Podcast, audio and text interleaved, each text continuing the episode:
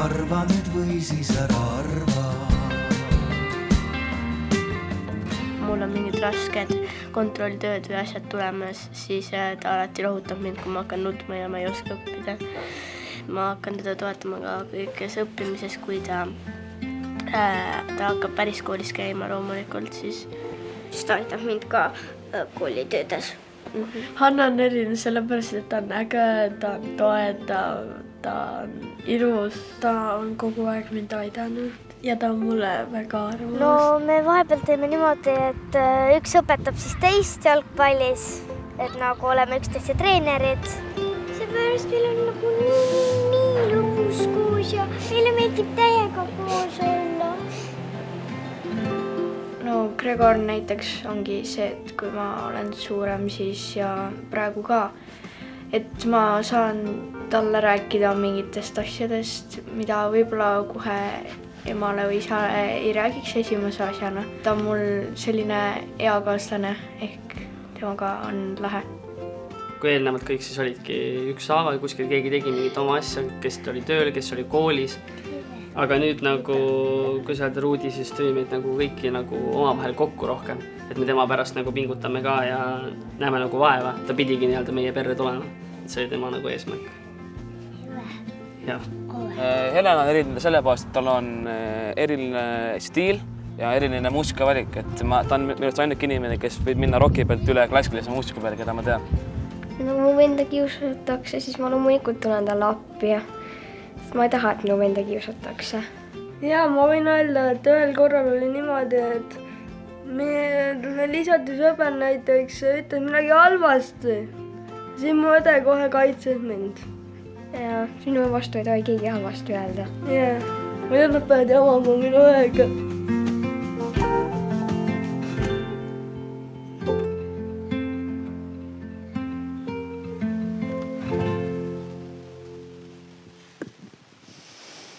tere hommikust kõigile neile priviligeeritult, kes tõepoolest vaatavad otseülekannet ja otse kell kümme laupäeva hommikul Paides, Eesti südames, mõnusa augustikuise vihma all alustame pikka päeva, mis toob äh, siit lavalt, kas maa tuleb täita lastega, telgist erinevaid arutlusi kuni õhtul kella kuueni välja ja päeva jooksul väikese sellise pooleteisttunnise sammuga ja kahetunnise vahelõikega siis äh, erinevad arutlused algavad, nutikamad arvutavad juba kiiresti välja, et siin kell kümme esimene, kell kaksteist, kell kaks, edasi kell neli on need ajahetked, kus jälle ja jälle kutsun teid selle kanali peale tagasi, kui te olete Paidest eemal ja osalema, kaasa mõtlema, kaasa arvama kaasa tundma nende aruteludega, mis siin täna plaanis ja sellelt esimeselt arutelult haukan veel nii palju, et ütlen ära kiiresti selle päeva plaani. kell äh, kaksteist pereootel lapsed, lapsed, kes äh, ei kasva sünniperes. Mm, sellel teemal mitmeid äh, eelarvamusi kummutame ja räägime siis, mis peab paika, mis mitte. kella kahest on siin telgis teemaks lahkuminek Eesti moodi, lapsed vanemate pingetes, kaks teemat. mis on siis see lahutus Eesti moodi ja kuidas Eesti lapsed ennast nende lahutuste keskel tunnevad. ja siis päeva mm, viimane arutelu kella neljast lausa kella kuueni välja. parem kaitsta kui kahetseda. kes kaitseb last vägivalla eest, on äh, siis arutelu fookus. Aga alustame esimesega ja selle järgmise pooleteisttunnise arutelu pealkiri erivajadusega laps, kas äh, süsteemide sees või vahel, nii süsteemide sees kui süsteemide vahel ähm, on see lähtepunkt, millest siit minema hakkame. ja nii nagu ikka selle ülekande juures, äh, kasutage maksimaalselt võimalust siis äh, kuidagi kaasa arvata, kaasa mõelda. Ma ei ole päris kindel, kui operatiivselt suudan teie küsimusi edastada ja las see jääb siis äh, väikeseks selliseks boonusprivileegiks kõigile neile, kes oma laupäeva hommikused kella kümnesed kodused pannkoogid on otsustanud täna vahetada Paide arutelu äh, arvamusfestivali vastu. Aga me hakkame siit pihta, õudselt tahaks näidata ka, et tegelikult siin telgis on inimesi ja et me ei istu siin üksinda, ma ei tea, kuidas äh, tehnilised võlurid suudavad seda teha või mitte, aga, aga ma kinnitan, et äh, meid on siin telgis kümmekond, aga siin äh, mõtlejate, oma kogemuse jagajate ja, ja arvajate reas alustan äh, iseendast kõige kaugemast otsast, on Pille Prei, kes on äh, pikka aega töötanud HEV-koordinaatorina, äh, tegelenud selle teemaga ennetustöö spetsialistiks tõeliseks, hindavad teda kolleegid ja entusiastiks, kes äh, arutleb kaasa, kas ja kuidas on võimalik lapsi ennetavalt toetada. Ja Pille ametinimetus päris täpselt on Sotsiaalkindlustusameti ennetusteenuse konsultant, kes tahab sedapidi inimestest mõelda, siis, äh, siis saab Pillele sellise tiitri alla mõelda järgmisena Elizabeth. Elizabethiga me viimati kohtusime äh, kooli lõpetamisel, kui äh, Elizabeth sai äh, laval teiste kursuse või, või siis lennukaaslastega koos kätte vanalinna hariduskolleegiumi lõputunnistuse. ta on selle vilistlane, plaanib edasi õppida muusikat ja prantsuse keelt. hobideks klaverimäng, koorilaul ja jooksmine ja, ja Elizabeth on äh, aktiivselt tegelenud ja kaasa löönud ka Eesti Pimedate Liidu projektides ja läbi viinud muuhulgas projekti, mille käigus valmisid Rahvusooper Estonia kolmele ooperile punktkirjas tiitrid ja kavad. Ebeli on äh, siin istujate keskel, on väga mitmes rollis. esiteks roll olla lapsevanem väga mitmele lapsele, kellest üks vajab natukene erilisemat tähelepanu teine roll Sotsiaalkindlustusametis on juhtida lastekaitseosakonda ja, ja, ja võib-olla siis Ebeli, sina tood meile selle visiooni ka, kuhu me võiksime äh, siis kõikide nende teemadega, mis puudutavad erivajadusega last äh, liikuda äh,. Irma toob kaasa kohaliku omavalitsuse vaate ja kes tahab nüüd jälle täpset äh, tiitlit, siis äh, Viljandi vallavalitsuse abivallavanem haridus, kultuur ja sotsiaal, nii nagu see Eestis kipub ühes kokteilis olema, on äh, see igapäevatöös ka Irma jaoks äh, segatud ja, ja loodame siis kuulda, mis see kohalik kogemus on, kohalik arusaamine. Mm, kuidas Viljandi vallavalitsus kõike seda äh, elu, neid aspekte siis korraldab ja minu kõrval istub Marta Rohtla, kes on samuti mitmes, mitut vaadet suudab siin kanda korraga nii Sotsiaalkindlustusameti puuetega laste tugiteenuste juhina, aga siis ka isiklik kogemus, olles siis puudega inimese lähedane ja mina olen Urmas, terve päeva jooksul siis seda ähm, vestlust erinevate teemade osas püüan siin hoida ja juhtida. ja, ja kõigil kohalikel, kes on siin paigal, teile on siis nii nagu juba ütlesin, ka see eriline privileeg, et siit saate lausa hüüda, et Urmas, et tahaks korraks seda küsida ka tehke seda julgesti, hea meelega kohe anname teile ka mikrofoni, et kuuleksid ka need inimesed, kes vaatavad seda ülekandes või siis salvestuses. nii et küsige oma küsimus julgelt. hakkame pihta. ma võib-olla kõigepealt püüaksime äkki selgeks teha või natukene nagu vaadata ja mõelda, et, et kes või, või, või mis on see tunnus, mis ütleb üldse, et siin on selles olukorras on meil erivajadusega laps. et, et äh, erilised on ju kõik lapsed ja, ja eriti mida, mida rohkem vaadata siis äh, selle konkreetse lapse või, või perekonna tasandilt, siis iga lapsevanem oskab kirjeldada oma lapsi kui, kui väga erilisi, väga erinevaid. aga, aga mis on teie jaoks, võib-olla siin kõigepealt äh, teeme nagu selle ringi, et, et räägivad ametnikud, et kuidas te tunnete selle erivajadusega lapse ära, mis need, mis need märguanded, signaalid teie jaoks on? kes tahab alustada, saab seda kohe teha. mina võtan sõna palun, Ebeli ja selles mõttes, et äh, kui me, hästi mulle meeldis see Urmas, mis sa ütlesid, et, äh, et meil on kõigil erilised lapsed ja ma arvan, et selle vastu keegi ei vaidle. aga kui meie räägime ametnike keeles, kes on erivajadusega laps, siis tema on laps, kes vajab olulisel määral rohkem kõrvalabi, meie täiskasvanute tähelepanu et kui tal on asju või tegevusi, kus ta iseseisvalt eakaaslastega toime ei tule, eakaaslastega sarnaselt, siis on ta eriline laps ja väga lihtne tegelikult ju. aga muidugi me mõtleme, et meil on kõigil ju erilised lapsed. no meil on ikka mõni laps, kes ei seo seitsmeaastaselt kingapaelu, et aga ta ei ole veel erivajadusega laps. et äh, meil on olnud hästi äh, tavaline see, et meil on erivajadusega laps äh, tegelikult nagu sildiga puue mis on väga lihtsasti mõistetav et meil on puudega laps, siis ta on, siis ta on teistmoodi ja me saame kõik sellest ühtemoodi aru.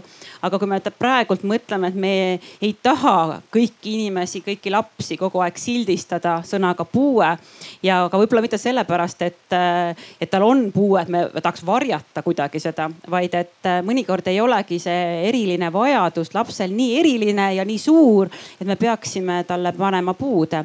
Võib-olla ta vajab lihtsalt ühte teenust Pille? ja, ja mina vaatan seda sellest pilgust, et äh, kui ma jah, ma olen töötanud koolis. et äh, miks me räägime erivajadustega lastest, et äh, siis oli justkui see koht, kus äh, nad said äh, teistmoodi teenuseid äh,. ja sellest tingituna me oleme nagu võtame kui erivajadustega last, lapsed. aga ma olen nõus, et äh, me räägime lastest, kus haavatavus on suurem ja, ja see on äh, see koht, äh, miks me mõtleme, et, et ta on erivajadusega laps ja siia sisse ma saaksin tuua kohe ka ennetuse. et, ähm, et kui me räägime ennetusest, siis ennetus hästi laialt on see, et me kujundame hoiakuid, me väärtuseid, tõekspidamisi. aga ennetuse puhul on see, et me peame tegelema nende äh, inimestega, nende lastega, äh, kus on haavatavus suurem ja, ja selle sihtrühmaga. Et ma võtaks võib-olla seda selle poole pealt, et äh, nad on haavatavamad kui sa ütled, et suurem, väiksem, tood selle skaala mängu, et, et mis seda kirjeldab siis? see taju, et see haavatavus on siin suurem?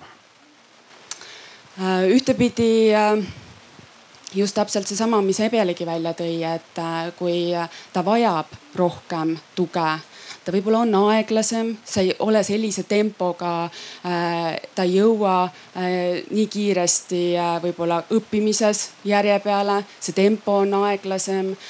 tema tuge, tema võib-olla see, see tugi selles suhtes ei pea olema nii-öelda püsivalt, et tema kõrval on, võib-olla see on ainult lühikest aega et äh, see on see, kus haavatavus tuleb ja meil iga inimesel võib olla mingil eluetapil haavatavust rohkem.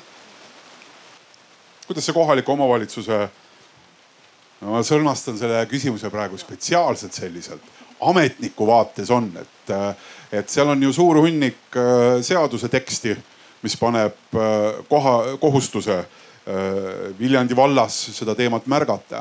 aga noh, me ju kõik saame aru, kõik inimesed saavad väga hästi aru sellest, et äh, seadusega nagu elusid päriselt mõõta mitte kuidagi ei saa, neid vajadusi päriselt seadusega mõõta ei saa. et see kõik algab ikkagi mingist inimlikust tunnetusest, et kas nüüd saab vaadata mingi seadusepunkti järgi, mingi määruse, mingi korralduse järgi mis annab siis enamasti sagedasti mingeid vahendeid, et kuidas te seda siis teete, kuidas te seda erisust hakkate mõistma et siin on vaja mingit tuge? ma isegi ütleks niimoodi, et, et kohalik omavalitsus on ähm, tema see teenuste andmise võime ja märkamise võime sõltub spetsialisti professionaalsusest. ja sellest algabki tegelikult kõik pihta.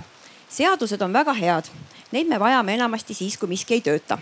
aga. on vaja kellegiga vaielda. kui on vaja kellegiga vaielda näiteks aga lastekaitsespetsialist või, või puuetega lastega tegelev spetsialist, et ähm, tema vaates on ikkagi see, et temal on kaalutlusotsuse tegemise võimalus alati sotsiaaltöötaja peab olema sada protsenti paindlik, igal hetkel olema võimeline ümber orienteeruma ja kui ta saab sellega hakkama, siis tegelikult ükski seadus ei eh, piira ega takista, vaid pigem just eh, abistab. seadused on kõik eh, meil suures osas ju paljudki olemas. mitu inimest Viljandi vallas tegeleb mm, nende teemadega nii, et, et, et nende tegevusest midagi sõltub? Ma ütleks, et äh, kui nüüd vallavalitsuse vaatest vaadata, siis äh, viis kindlasti mm, -hmm. aga pisteliselt ka teised, et kui nad puutuvad perega kokku. Viljandimaa muidugi suures osas on ka Mulgimaa ja ma ei tea, kuidas seal täpselt on, aga üldiselt äh, Eestis on kombeks see, et kui kaks eestlast saab kokku, siis on toas vähemalt kolm arvamust. ma ei taha isegi mõelda, mis on viie inimese puhul kokku saades. kuidas te nagu, kas, kas see on mingi kokkulepe väljaspool ikkagi neid samu valla reegleid, määrusi, et kuidas me töötame? kas te olete, täiesti siiralt võib vastata, kui ei ole, on see arusaadav. kas te olete omavahel selle filosoofia kokku leppinud? kuidas me märkame ühte või teist vajadust? absoluutselt Kui kuidas te tegite seda, milline see kohtumine välja nägi? täiesti siiralt ütlen jah. et ähm, äh, minu selline põhikoormus, kui ma tegelesin puuetega lastega ise aktiivselt, oli Tarvastu vallas. Tarvastu vald liitus Viljandi vallaga ja Viljandi vallas äh, äh, esimestel kuudel me tegelesime oma meeskonnaga sellega, et mis on sotsiaaltöö, kuidas me seda näeme, kuidas me seda mõistame, mida me tahame teha. ja selle käigus minule sai vägagi hästi selgeks, kes, kes on meeskonnas kes saab paremini aru, keda on vaja rohkem toetada. et eh, sotsiaaltöötaja selles mõttes ei ole ka vahest see imeinimene, ka teda tuleb toetada, et ta saaks aru, et mida me teeme ja mis on see eesmärk. Ja tegelikult eesmärk on ju ikkagi see, et lapsel ja lapsevanemal oleks võimalikult lihtne. Nad on äh, niigi sattunud sellisesse olukorda, eriti kui see on nagu see esimene kogemus või esimene teadasaamine, et minu lapsega on midagi teistmoodi. et, et, et see, see, see tunne, mis võib sees olla, on, on ju seinast seina, et kui lastekaitse vaatest vaadata, siis tihtipeale hakkab see niimoodi. et koolist, lasteaiast tulevad signaalid, et, et meil on abi vaja, pöördutakse valla poole ja kui vald hakkab siis abistama, jälgib last, hindab, suhtleb vanematega, siis väga tihti ongi see eh, probleem, et, et alguses ju lapsevanem ka ei ole valmis tunnistama seda, et tema laps vajab abi. ja ühel hetkel see või, töö võib olla paar kuud raskematel juhtudel võib-olla ka aasta rohkem.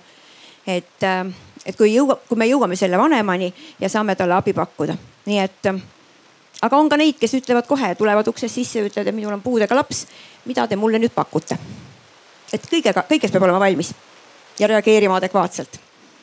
ehk võib-olla ma püüdsin nagu sellega tunnetada seda, et kui ma siin räägin ja, ja räägime Äh, sageli me räägime peamiselt riigist kui ühest sellisest abstraktsest äh, masinavärgist, mis töötab ja mõjutab kellegi otsuseid, siis äh, unustame me selle taga ära, et see on tegelikult väga konkreetne inimene kes saab seda otsust teha, ei saa noh, on tõsi juba olemas ka mingid automaatsed otsused ilmselt ka riigi kontekstis, kus arvuti määrab midagi, aga, aga, aga ka siis see määramine on määratud inimese poolt siis eriti kohalikus omavalitsuses on see ju väga sageli ikkagi väga konkreetsete inimeste tahe, soov, arusaamine, mis neid olukordi muudab.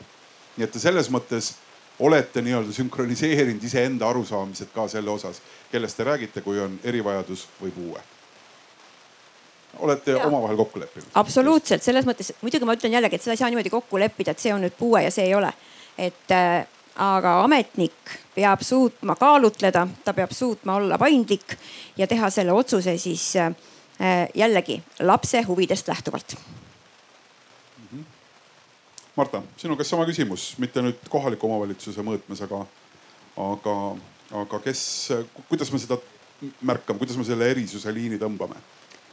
ja ma arvan, et number üks asi ongi see märkamine, nii nagu Irma ütles, et keegi märkab kas see nüüd on kohe eri, erivajadus, hariduslik erivajadus, puue, ükskõik mis või kas sinna tuleb mingisugune nii-öelda mõiste järgi, aga mida lastega tegelevad siis ametnikud vaatavad või hindavad, ongi tema abivajadus. Ja mitte ainult selle lapse, vaid ka tema pere. Vanemad, teised õed-vennad, et tegelikult kogu see komplekt ongi see, kes ja mis seda last toetab. Ja lastekaitsetöötaja või äh, ministeerium, riik, SKA, ühiskond, äh, kõik me oleme siin tegelikult ju selle jaoks, et, äh, et vaadata, kuidas oleks lapsel ja perel kõige parem. ja, ja sellest ka tänane ju meie nii-öelda selle ala pealkiri, et kas maa tuleb ikka täita lastega, et kas meil on tegelikult piisavalt tuge, et kui laps sünnib, et siis me saame nagu vajadusel tuge pakkuda aga see ongi siis jah, iga laps on erinev, iga laps on eriline ja sealt siis lähebki edasi tema abivajaduse hindamine, et kas ja kui palju sealt nüüd siis on juurde vaja toimetada. Elizabeth, ma tegin seda te tegelikult praegu täitsa teadlikult, sest ma millegipärast äh, mulle tundub nii, võib-olla ma eksin, ma loodan, et ma eksin, aga mulle tundub, et see, mis praegu hetk tagasi oli, on väga sage et, et kui räägitakse kellestki, keda see jutt otseselt puudutab, siis hakkavad rääkima need, kes peavad sellest rääkima, kelle kohustus mingil kombel või moel see on. noh, laste puhul on see väga tavaline, et, et rääkides lastest, laste huvidest, laste vajadustest, siis räägivad täiskasvanud, sest kes kõige paremini seda ikka teab. Ja mõnikord tuleb meelde laste käest ka küsida, kui räägitakse erivajadustega inimeste kohta, siis samamoodi. Kõik teised räägivad ja siis pöördutakse mingil hetkel, et vot me mõtlesime sellise asja välja kordasin seda praegu teadlikult. aga kui sa lubad, astuks korraks tagasi. et kui sa kuuled, et inimesed räägivad puudest, erivajadustest. mis reaktsioone see sinus tekitab, kuidas sa, mida sa sellel hetkel mõtled või mida sa sellel hetkel tunned? minu jaoks on äh, sõna erivajadus kindlasti parem kui puue, sellepärast et äh, oma koolikogemusest ma võin öelda, et tihtipeale tekitab sõna puue tegelikult äh, väga palju hirmu kõikides ümbritsevates inimestes ja ma arvan, et kindlasti ka paljudes puudega lastes endas. aga kui mõelda sõnale erivajadus, siis äh, nagu enne öeldi, et see rõhutab kindlasti seda, et äh, igal inimesel on konkreetsed erinevad erivajadused, äh, mis neid elus kõige paremini aitavad. ja ka seda, see rõhutab kindlasti ka ligipääsetavust, sest erivajadusega inimestel on kõigil erinevad kohandused mida nad vajavad, erinevad abivahendid, mida nad võivad kasutada selle jaoks, et elus kõige paremini toime tulla. ja ma arvan, et kui rääkidagi inimestele erivajadusest, siis see tihtipeale muudab neid ka väga loovaks ja see kindlasti julgustab neid olla abivalmivad ja küsima nende erivajadustega inimeste käest, et mis on need asjad, mis neid kõige paremini aitavad. ja kui rääkida veel natukene puude ja erivajaduse ähm, vahest siis tegelikult ka ühe konkreetse puude sees on inimestel väga erinevad äh, kohandused, abivahendid, mida nad kasutavad. näiteks äh, kui mõelda nägemispuude peale, siis on nägemispuudega inimesi, kes kasutavad liikumisel näiteks valget keppi. on nägemispuudega inimesi, kes ei kasuta liikumisel ei valget, valget keppi, aga on ka nägemispuudega inimesi, kes kasutavad liikumisel näiteks juhtkoera. et ma arvan, et sõna erivajadus toob ka need äh, vahed väga hästi esile et need vajadused võivadki olla erakordselt erinevad, ehkki justkui see lähtepunkt on väga sarnane. just mm. -hmm. kuidas äh, ajas on Elizabeth sinu enda vajadused muutunud just sellesama erivajaduse kontekstis? ma arvan, et ähm, mind on väga palju aidanud kindlasti see, et äh, minu vanematele tehti juba siis äh, üsna, üsna kohe peale minu sündi väga suurt teavitustööd, et nad said osaleda laagris, mis oli siis korraldatud nägemispuudega äh, õpilaste tugikeskuse poolt, kus siis tutvustati tegelikult vanematele seda, et kuidas tulla toime äh, siis nägemispuudega las-, lapse kasvatamisel ja kuidas seda last kõige paremini aidata. ja ma arvan, et see tegelikult julgustas minu vanemaid just selles, et nad lasid mul olla kogu aeg võimalikult iseseisev ja võimalikult palju siis asju ära teha ja osaleda aktiivselt ka erinevates tegevustes. et see võttis need hirmud kindlasti rohkem maha. kui ma läksin kooli, siis mul oli tegelikult kõrval ähm, tugispetsialist, kes siis aitas mul äh, algul ta, ta, tugispetsialisti töö ongi siis tegelikult see, et ta ei õpeta, aga ta aitab siis erivajadusega last selles, et tal oleks kõige parem ähm, koolis õppida. ehk siis ta näiteks kohandab vajadusel materjale või siis minu puhul, kui näiteks õpetaja ähm, matemaatika või ka muudes reaalainete tundides joonistas midagi tahvlile, siis tema tegelikult, tegelikult tegi need joonistused mulle ligipääsetavaks. aga algul see tugispetsialist oli minuga kõikides tundides kaasas, aga kuna minu sotsiaalsus ja sotsiaalsus arenes, siis tegelikult edaspidi olin ma juba ise piisavalt, äh, piisavalt hea suhtleja selles, et ma sain küsida õpetajatelt vajadusel abi või ka oma teistelt klassikaaslastelt vajadusel abi, et näiteks äh, tugispetsialisti roll minu kooli juures tänu sellele, et oli seal algusest peale juba olemas, ka vähenes mm. -hmm et sellel koolil kindlasti, mille sa lõpetasid, on lihtsalt olemas see kogemus ja teadmine, et kuidas, kuidas see protsess äh, käib. ühest küljest, teisest küljest mulle tundub alati see ka nagu selline äh, noh, natukene nagu meelitav soov või et lood on ju alati erinevad ja, ja, ja need situatsioonid on alati natukene erinevad ja ka võib-olla vajadused on erinevad. et sellesama kogemusega iga kord äh, minna võib-olla ei, ei, ei saa või ei ole, ei ole mõistlik, otstarbekas. Aga ja Elisabeth. ja kindla- ja et et see on kindlasti väga õige, et iga inimese, igal inimesel on konkreetsed erinevad vajadused mm. -hmm. Elisabeth, kui me sinust jätkame, et, et kus sa tundsid, noh, sa oled täiskasvanud inimene nüüd gümnaasiumi lõpetanud ja, ja, ja kõikide oma plaanide ja, ja, ja võib-olla siin on sul hea noh, juba ehk sotsiaalsena, nagu sa ise kirjeldasid oma oskuste võimetega. mis hetked olid need, kus sa tundsid, et, et ei lähe? et minu erivajadusest tulenev hoiab praegu mingitel põhjustel nagu tagasi seda, mida ma tegelikult sooviksin või tahaksin, mis on minu plaan, aga et see ei täitu, see ei realiseeru, sest miski süsteem ei lase sellel täide saada. mis hetked need olid? no üks hetk, mis mulle tuleb hetkel meelde, on eh, kuskil, ühesõnaga algkoolist alates oli mul tegelikult võimalus lisaks koolile käia ka nägemispuudega õpilastele mõeldud tugikeskuses kus me siis lisaks eh, erinevatele punktkirjaga seotud nüanssidele õppisime ka erinevaid iseseisvaks eluks vajalikke oskuseid, mis on väga olulised lisaks kooriharidusele, et seal me õppisime näiteks eh, erinevaid söögi tegemisega seotud oskuseid ja ka ühesõnaga kõik, kõiki muid eriva nagu iseseisva eluga seotud oskuseid ka. aga kuskil minu põhikooli aja alguses see keskus tegelikult suleti ja viidi justkui üle Rajaleidja alla.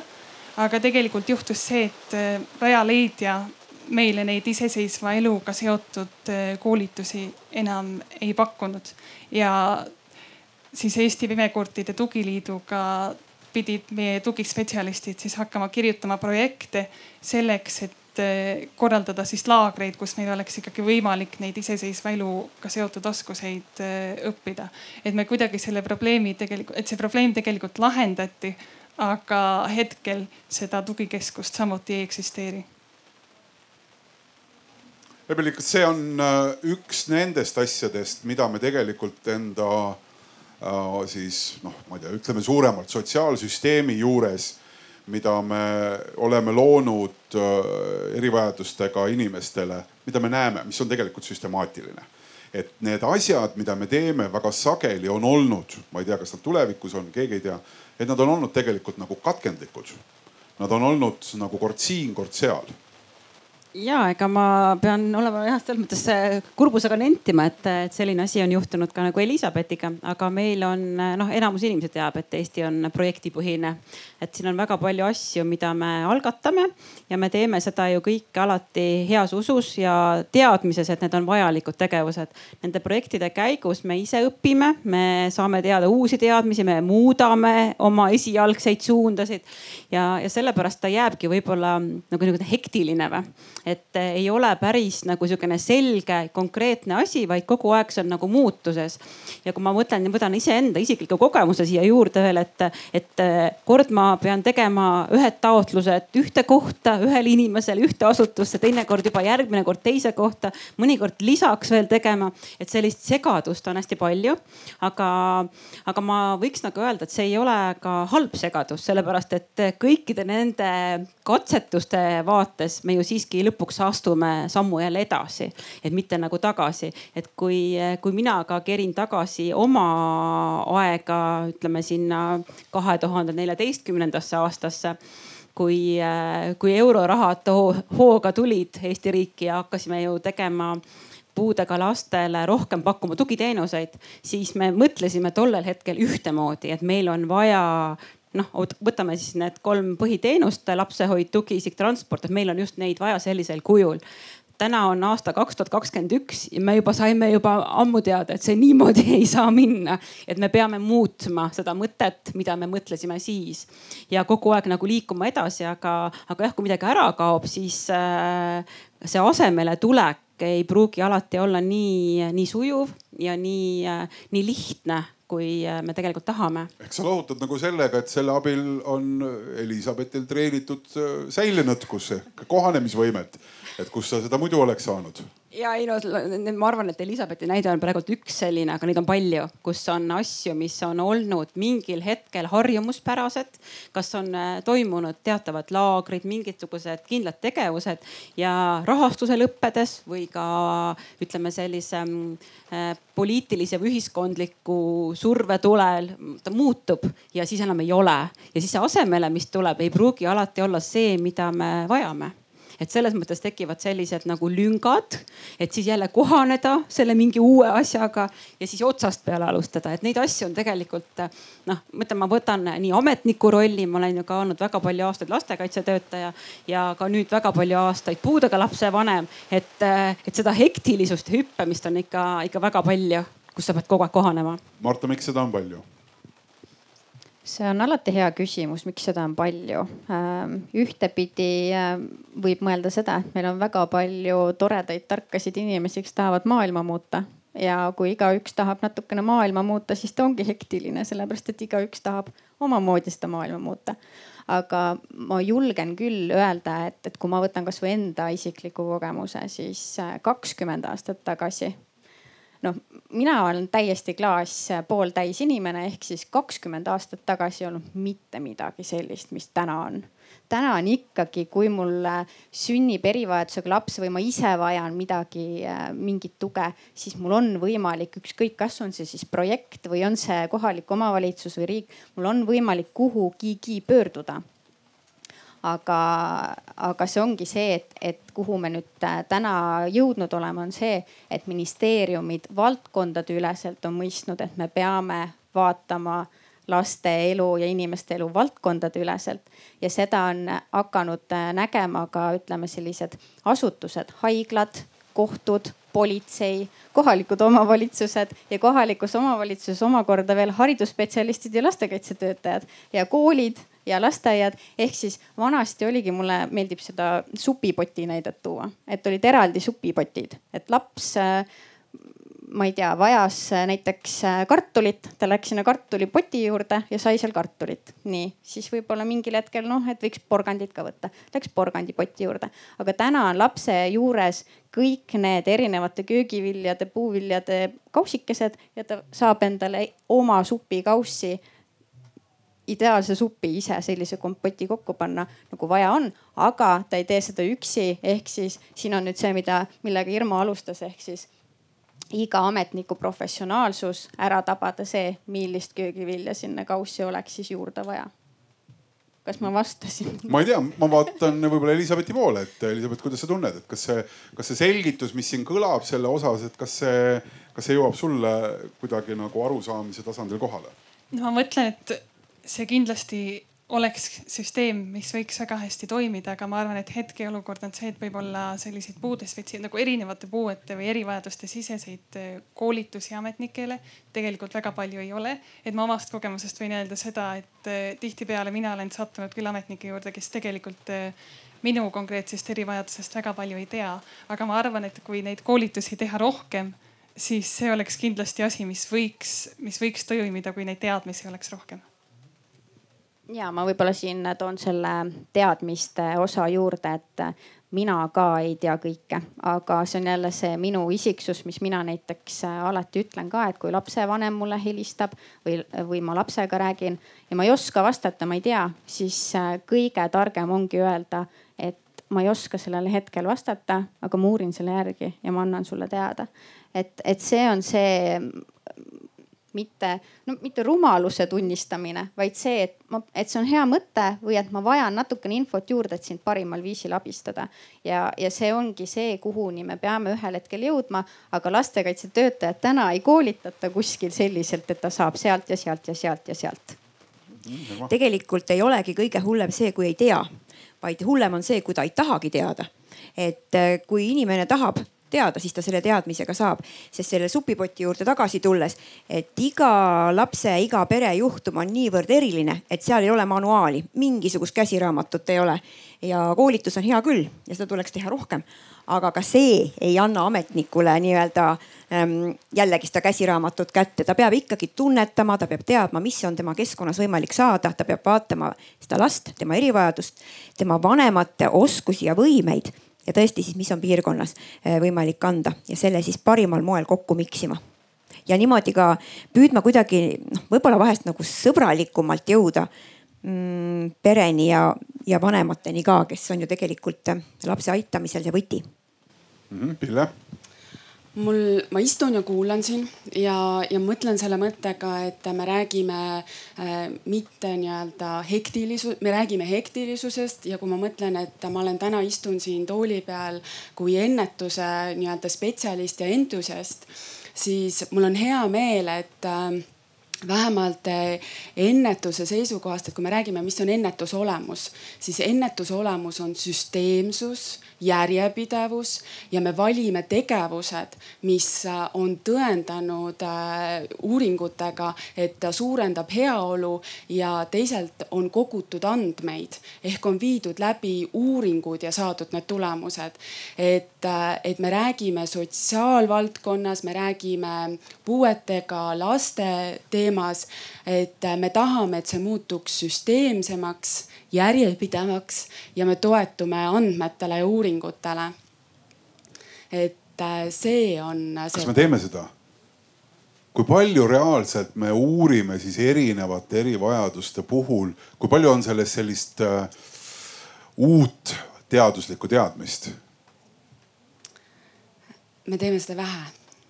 me teeme seda vähe ka oma igapäevatöös tegelikult, et äh, kui palju me nagu vaatame tagasi sellele, et kuidas me seda tegime, kas me saavutasime selle eesmärgi, mida me peaksime muutma. et äh, me, kui ma nagu ennetusena vaatan ringi, ma vaatan haridusse, siis äh, ma näen, et ka õpetamises on see, et tee selgeks äh, kõigepealt, äh, saa ülesandest aru, äh, kavanda tegevusplaan, teosta see ja vaata, vaata, vaata nagu järgi sellele. et me tajume seda või ma näen seda, et seda on tulnud haridusse, seda, seda mõtteviisi on tulnud sotsiaalvaldkonda laiemalt. aga see ei tule meil veel nii lihtsalt ja, ja ei tule ka lihtsalt selles suhtes, et kas me teame seda, kuidas me peame mõõtma. Kuidas me peame mõõtma seda tulemust, et võib-olla me peaksime palju rohkem tegema teadlastega tööd, et, äh, et me teaksime seda, et see, mida me teinud oleme, et äh, sellel on see kasutegur sees, et see on suurendanud seda heaolu. ja kui me hakkame midagi ümber muutma, siis me peaksime tuginema täpselt samamoodi andmetele et äh, järelikult see tegevus ebaõnnestus ja me peame sellepärast valima teise tegevuse. ehk teisisõnu, et äh, kui sina, Elizabeth, said enda lõputunnistuse kätte, siis kas see oli kõikide nende tugiteenuste tõttu või vaatamata kõikidele nendele tugiteenustele? mis, äh, mis sind aitasid justkui nagu jutumärkides, eks et ma ei tea, kui palju, noh, see on hästi lihtne mõõdik, aga, aga, aga ma loodan, et sa lubad enda peal seda teha. et kui palju sinu pealt on mõõdetud seda, kui palju on küsitud sinu käest, otse sinu käest tagasisidet, Elizabeth, et sa oled saanud seda, seda. et, kuidas see või teine või et mismoodi see või teine? ma arvan, et eh, seda on ikka üsna vähe uuritud. minu, minu kogemusest on seda ikka üsna vähe uuritud. Nende uuringute hulk on suurenenud võib-olla viimaste aastate jooksul, aga neid uuringuid on ikkagi üsna vähe. aga kui selle alguse juurde tagasi tulla, siis ma arvan, et tegelikult see on ikkagi koostöö et see on, et see, see lõpetamine on kindlasti tulnud suures osas selle tõttu, et mul on olnud olemas koolis siis tugispetsialist riigi poolt siis ka tegelikult erinevad liikumisõpetuse tunnid ja muud tegelikult rehabilitatsiooniplaaniga saadud teenused, aga kindlasti on seal ka perekonna ja õpilase enda roll väga suur, et seal on kõike arusaadav, muidugi. aga ikkagi, miks me, miks me ei analüüsi nii põhjalikult, kui palju seda teadustööd tehakse, kas seda võiks teha rohkem? muidugi võiks teha ja ma arvan, et äh, koer on maetud sinna, et meie ennetus on praegu nähtamatu. ehk siis äh, me kõik teeme ma tahan kohe küsida, mis see tähendab nähtamatu jah? Äh, jah, tahtsingi seda selgitada juurde, ehk siis me kõik teeme seda, aga me võib-olla ei tee seda teadlikult ja me ei mõõda seda, mida me teeme või ehk kas see ennetus, mida me teeme, on nüüd nagu päriselt äh, käega katsutav ennetus. ehk siis kas see, mis me praegu ennetavas võtmes tegime, päriselt ennetab midagi? Ehk ja, ja see, see, kuhu me peaksime jõudma, ongi, et tuua ennetus nähtavaks et me peaksime eh, kirja kasvõi panema need raamdokumendid endale, mida me tahame. näiteks Viljandi vald vaatab ära, mis, mis on, vajavad nendel arengut teevad plaanid paika, tegevuskavad, vaatavad aasta-kahe pärast üle, kas need tegevused on andnud selle suuna, kuhu me tahame liikuda, kui ei anna, vaatame järgmised tegevused. et see peaks olema see, kuhu me jõuame. aga ma usun, et juba suur samm edasi on see, et me tunnistame seda, et äh, meil on ennetus niimoodi nähtamatu ja, ja siis tuleb edasi tahe muuta see nähtavaks. Irma, kas sa tahad kommenteerida seda kuidagi? ja kõik on väga õige sest me praegu ikkagi tegeleme sellega, et, et see juhtum on tulnud, ma nimetan juhtumit äh, nii-öelda kliendi, perekonna, lapse juhtumit, et on tulnud meie lauale aga me ei ole saanud äh, midagi ennetavat selle heaks ära teha.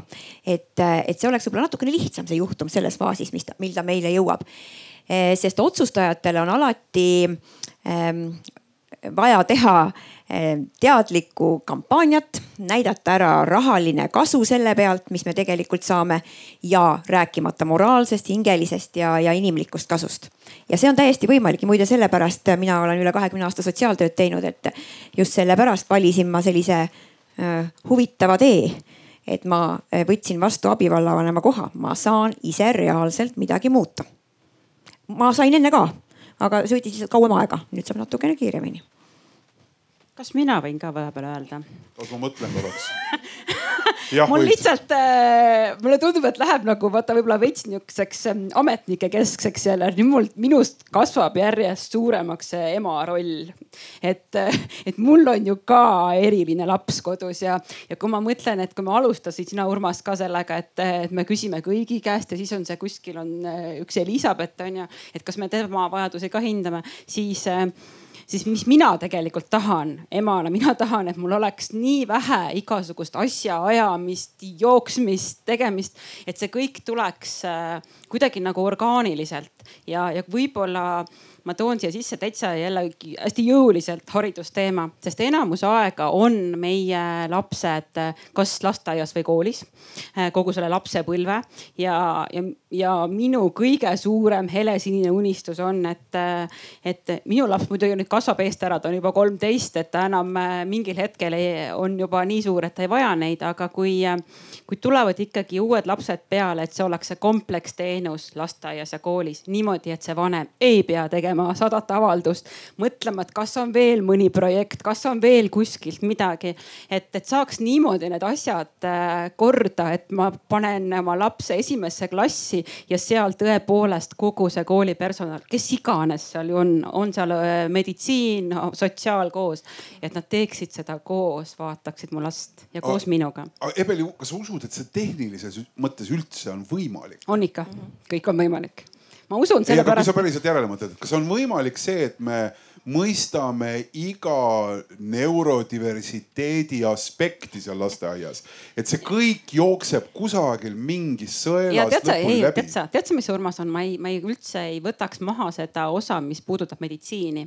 Äh, meditsiin on nagu teine teema, kui ma räägin nagu teenuste vaates, sest üks asi on see, kui laps saab äh, arstiabi või ta saab mingisugust, äh, mingit teraapiat, mis on väga meditsiiniline. aga kui mu laps juba käib lasteaias või käib ta koolis siis äh, meditsiin on seal kõrval kogu aeg, see ei kao ära, aga et ma ei tahaks nagu tegeleda sellega, et rehabilitatsiooniplaanist on mul need teenused, omavalitsus pakub mulle neid teenuseid, kool, lasteaed pakub mulle neid teenuseid ja ma peaks nagu kogu aeg nende teenuste vahel äh, nagu opereerima. et mitte jah, et see on täiesti selge, et äh, ma ei mõtle seda, et seal peaksid olema meditsiinitöötajad, kes hindavad ära, et kas mu lapse põristav R on nüüd ikkagi nii põristav, et ta vajab logopeedi või ei, mitte onju ja ma ei mõtle nagu nii spetsiifiliselt, aga see kõige baasilisem, kõige lihtsam, aga seal me ju takerdume hästi lihtsasse asja, raha meil on erinevad rahakotid, on äh, hariduse rahakott, on sotsiaali rahakott. ja siis me mõtleme, et milli-, kes see, kes see vastutab selle eest, et seda kuuma kartuli mängimist, ma arvan, et on kõik äh, kogenud. et, äh, et kas nüüd tugiisik koolis on sotsiaali teema või on see hariduse teema, et kes peab maksma, kelle palgal ta peab olema ja see on niisugune noh, kuidas ma ütlen, noh, ma võtan, ütlen kui ema, mitte kui ametnik, et see on nõme mäng, et äh, mu laps vajab teenust, mina ei taha teada, kelle rahakotist see tuleb. ma tahan, et mu laps saaks selle abi, mida ta koolis vajab et noh, et see on nagu võib-olla see, mis äh, mind nagu emana kõige rohkem nagu alati nagu häirib, et ma pean kombineerima, et äh, on taastusravi, on rehabilitatsiooniplaan, kõik muud asjad ja siis need kokku viima kogu aeg. et see selline projektijuht olla oma lapse erivajaduses on vägagi kurnav ma võib-olla korraks tõstaksin ikkagi nagu selle, tegelikult ootan teiste kommentaare ka, aga ma lihtsalt oma repliigi panen siia vahele. et, et sa juba räägid nagu sellest teenuse situatsioonist aga mulle tundub, et meil on kõige raskem täna selle märkamisega, et me eh, noh, selles mõttes märkame asju, mida me oskame märgata. me ei saa märgata teisi asju, aga seal on väga palju teisi asju, mis mingiks hetkeks kasvavad välja, kujunevad välja noh, mingiks probleemiks, millega me hakkame hiljem tegelema. vaata, see on seesama teema ka, et kas me tahame märgata või me paneme silmad kinni, see on ka äh, selline, et äh, kui mina märkan, vaatan siin praegult istub kakskümmend inimest on ju ja ma kujutan ette, et keegi seal teises reas, eks ole, tal võib olla mingi selline viga, et äkki ta noh niheleb liiga palju, et äkki on tal aktiivsustähelepanu häire, on ju. mina teen oma mingisuguse järelduse ja hakkan talle pakkuma kohe midagigi sinna otsa, et noh, et sa jumala eest ei niheleks. aga noh, tegelikult on ikkagi see, et et, me peame seda terviklikult vaatama, on ju. et, et mis põhjusel on ju, et see on see sotsiaaltöötaja põhiteema, põhjus, seos, tagajärg on ju, et kust, kust me saame alguse. Irma tahab kogu aeg mulle vahele öelda ma tahan kogu aeg kõigile vahele öelda, aga eh, ma tahan öelda just seda, et märkamisega minu arvates meil enam probleeme ei ole ammu. aga kas see info jõuab ka kuskile edasi, sellega on probleeme ja, ja mis selle infoga teha, no näiteks tuleb mulle poes eh, ligi üks vanem naine, ütleb, et teate, ma olen juba ammu tahtnud teie juurde tulla, ma olen ikka sellepärast väga mures, mis seal kodus toimub. ja siis ma küsin, et oo, et aga noh, et miks te ei ole siis tulnud või noh, ma nüüd neid teid nägin ja kui ma hakkasin küsima, et no, kunas või mis, siis tuli välja, et see on poolteist aastat tagasi juhtunud asi. et noh, see märkamine on ikkagi vaja koheselt edastada ja, ja mitte tõesti hakata ise leiutama seal, et ma nüüd hakkan abistama, et näiteks Viljandi vald ikkagi tahab liikuda sinna suunda, et alusharidusest hakkab kõik pihta. et me saaksime seal võimalikult palju teenuseid pakkuda, abi pakkuda, et siis on see kooli koolis sellel lapsel, sellel noorel, sellel perel tunduvalt lihtsam, me saame juba äh, sekkuda varakult, et see on, no see on see A ja O ja see A ja B või, või mis iganes ta siis seal kõik on. Pille, oma kogemuse pinnalt nüüd siis F-koordinaatorina koolis, seal kunagi, varem mm? -hmm noh, tegelikult on, ma olen nõus sellega, et äh, me märkame aga me jääme võib-olla hätta sellega, et tõesõna, et see laps saaks ühest kohast need asjad kätte ja teistpidi me tegelikult ikka päris palju jooksutame seda vanemat me palume tal minna ühte kohta, siis me palume minna tal teise kohta ja siis me palume tal minna kolmandasse kohta ja, ja siis äh, kord lapsega, kord ilma lapseta. et äh, me ei tee, meil, meil puudub nagu võib-olla sellised, äh, see noh, me sõna, räägime koostööst ja see samamoodi on nii lihtne sõna, aga tegelikkuses ilmselt meil ei ole ikkagi selles koostööks, et kuidas me neid, kuidas me seda koostööd teeme. et äh, mis see nii-öelda selle koostöö eesmärk on, mis see nii-öelda see tegevuste jada on, et äh, ja täpselt samamoodi, et kas me vaatame siis tagasi nende tegevuste jadale, et, et see toimub äh, me märkame mingite laste puhul ilmselt päris hästi ja kui vanem on veel teadlik, teadlikum, siis ta oskab ka ise väga palju küsida et me oleme ühiskonnas selle teema nii-öelda nagu välja toonud ja ma arvan, et meil on väga palju strateegiaid, seaduseid, et mis on selle äh, nii-öelda teema, me, me tänagi siin arutleme. aga meil puudub ikkagi selline süsteemsus või ütleme, et see süsteemsus, äh, mis meil on, ei lase ennast sellisena nimetada, selles mõttes mulle endale nagu, nagu sellisest uskumuslikus plaanis lähtun sellest, et ka see süsteem, mis on, on tegelikult süsteem. Eks ju, et. see on selline, ja vot see ongi see küsimus, eks, et seal on nii palju selle täna välja kujunenud süsteemi sees on nii palju mingeid äh, iseloomusid, talle omaseid jooni ja, ja need jooned ei ole need, mida me võib-olla nagu tahaksime. aga Elizabeth, kuidas sina oled seda tajunud, et millest me oleme nüüd rääkinud siin, esiteks märkamisest ähm, no sa juba kirjeldasid seda, kuidas sinu erivajadust või, või, või kuidas seda sellel hetkel haiglas nimetati, puuet, et see juba oli kõneks üsna kiiresti ja, ja, ja sa pidasid nagu plusspooleks seda, et vanemad said äh, nagu mingi selge, selge arusaamise üsna varakult, eks ju. aga et milline see protsess on olnud hiljem, kuidas see, kuidas see sulle on paistnud? no tegelikult vanemad minu, minu teada vanemad ei saanud seda tegelikult haigla kaudu, aga vanemad said eh, selle nii-öelda koolituse või laagri, kuidas me seda nimetame, ikkagi tänu sellele, et nad ise uurisid äh, erivajaduse kohta.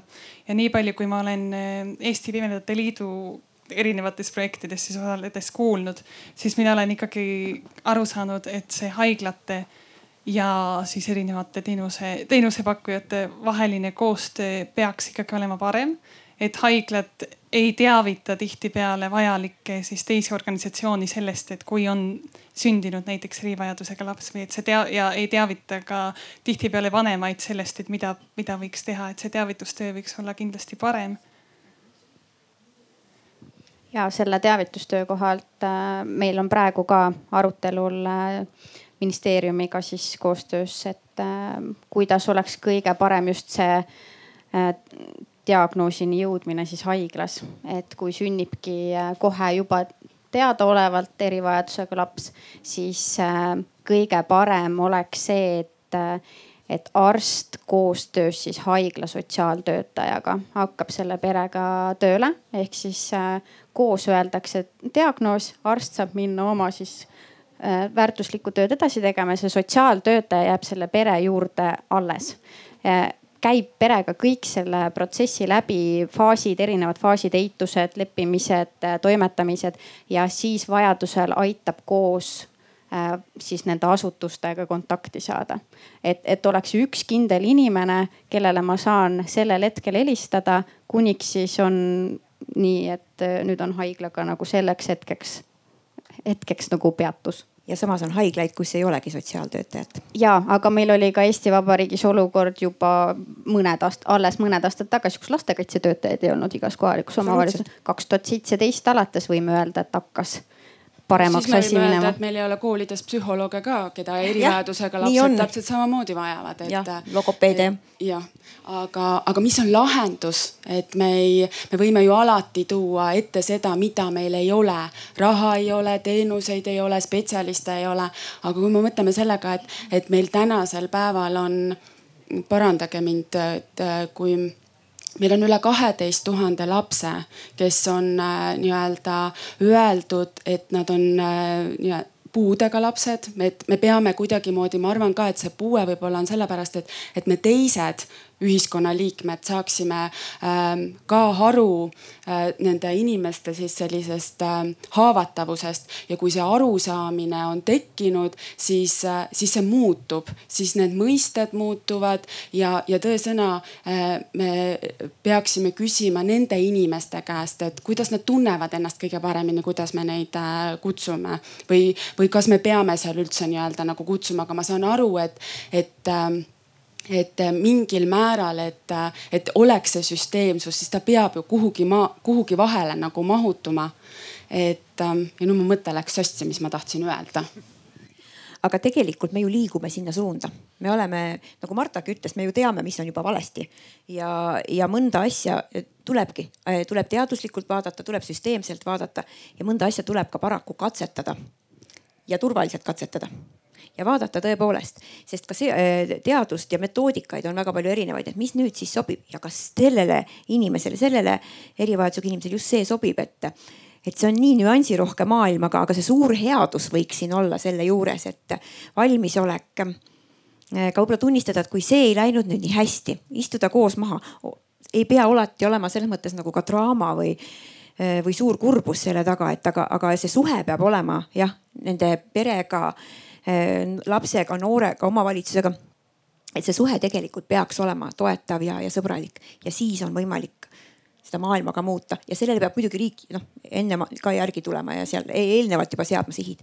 ja, ja muidugi raha tegelikult äh, ei ole kunagi vähe, küsimus on alati prioriteetides ja, ja see inimlikkus just ongi kõige-kõige olulisem aspekt üldse, mida ma näen ükskõik mis positsioonil ma olen siis olnud, kas erikoolis, kohalikus omavalitsuses, Sotsiaalkindlustusametis. et kui mulle ikkagi helistab äh, nuttev lapsevanem, kellel on öeldud nii või naa ja ta on täiesti segaduses, mida ta peab tegema, kuhu ta peab pöörduma ja ma lihtsalt kuulan ta ära ja ta ja ta ütleb mulle pärast seda, et aitäh, te aitasite mind nii palju, aga ma tegelikult ei teinud mitte midagi muud, kui lihtsalt kuulasin ja mõistsin ja see on see, mis on juba, ma arvan, sellest äh, kümne palli skaalast juba esimesed viis, mis me saame ära teha ainuüksi olles olemas mm. -hmm kas Pille mõte tuli tagasi? ja, ja kui puuetega inimesed ütlevad või nende lapsevanemad ütlevad, et äh, neil on puudus äh, nagu tead- seal nendest teenustest või, või kes on kogemusnõustaja või et nad ei ole see kokku puutunud, siis see on meile signaal et teavituses on midagi nässu läinud. et äh, ka teavitus on ennetuse osa, aga ka teavituse puhul me peame nii-öelda valima need tegevused, mis viivad siis selle äh, eesmärgini, et nende teadlikkus tõuseb. ja jälle ma jõuan nende mõõdikute juurde, aga kuidas me tõst-, mõõdame teadlikkust, me ei me ei saavuta teadlikkust sellega, kui me äh, arutleme täna siin. me ei saavuta teadlikkust sellega, kui me teeme ühe ürituse sest et äh, kõikide nende äh, meetmete ja tegevuste puhul on oluline ikkagist süsteemsus, järjepidevus ja ma valin tegevused, mis on tõendatud, et nad äh, teevad, nii-öelda aitavad meid. et ikkagist, kui me peame rohkem tegema tööd, koostööd teadlastega ja in, me saame rääkida ennetusest sellepärast, et on uuritud inimese arengut on uuritud neid sotsiaalseid süsteeme ja neid protsesse, kuidas need toimivad ja on saadud aru, äh, mis viivad siis sellise äh, teatud käitumiseni mm. -hmm. ja kui seda kõike on uuritud, siis me peaksime nagu rohkem neid rakendama ja kasutama minu arust teenuse disaini äh, aluspõhimõte on väga ilus, mis sobitub ükskõik millega. ehk siis alustada tuleb inimesest ja minna laiemaks ja suuremaks. ehk siis mitte ministeerium või valitsus ei kinnita seadusi ja regulatsioone, vaid äh, erivajadusega laste käest uuritakse, mida on vaja, kuhu oleks vaja jõuda, hinnatakse, vaadatakse möllatakse nendega ja siis sealt edasi lähevad teadmised, teadmised, kuniks see formuleeritakse siis raamdokumendiks. ja, aga seadusi on meil vaja vahest ka sellepärast, et muuta käitumist ja selle käitumise muutumisega me muudame hoiakuid.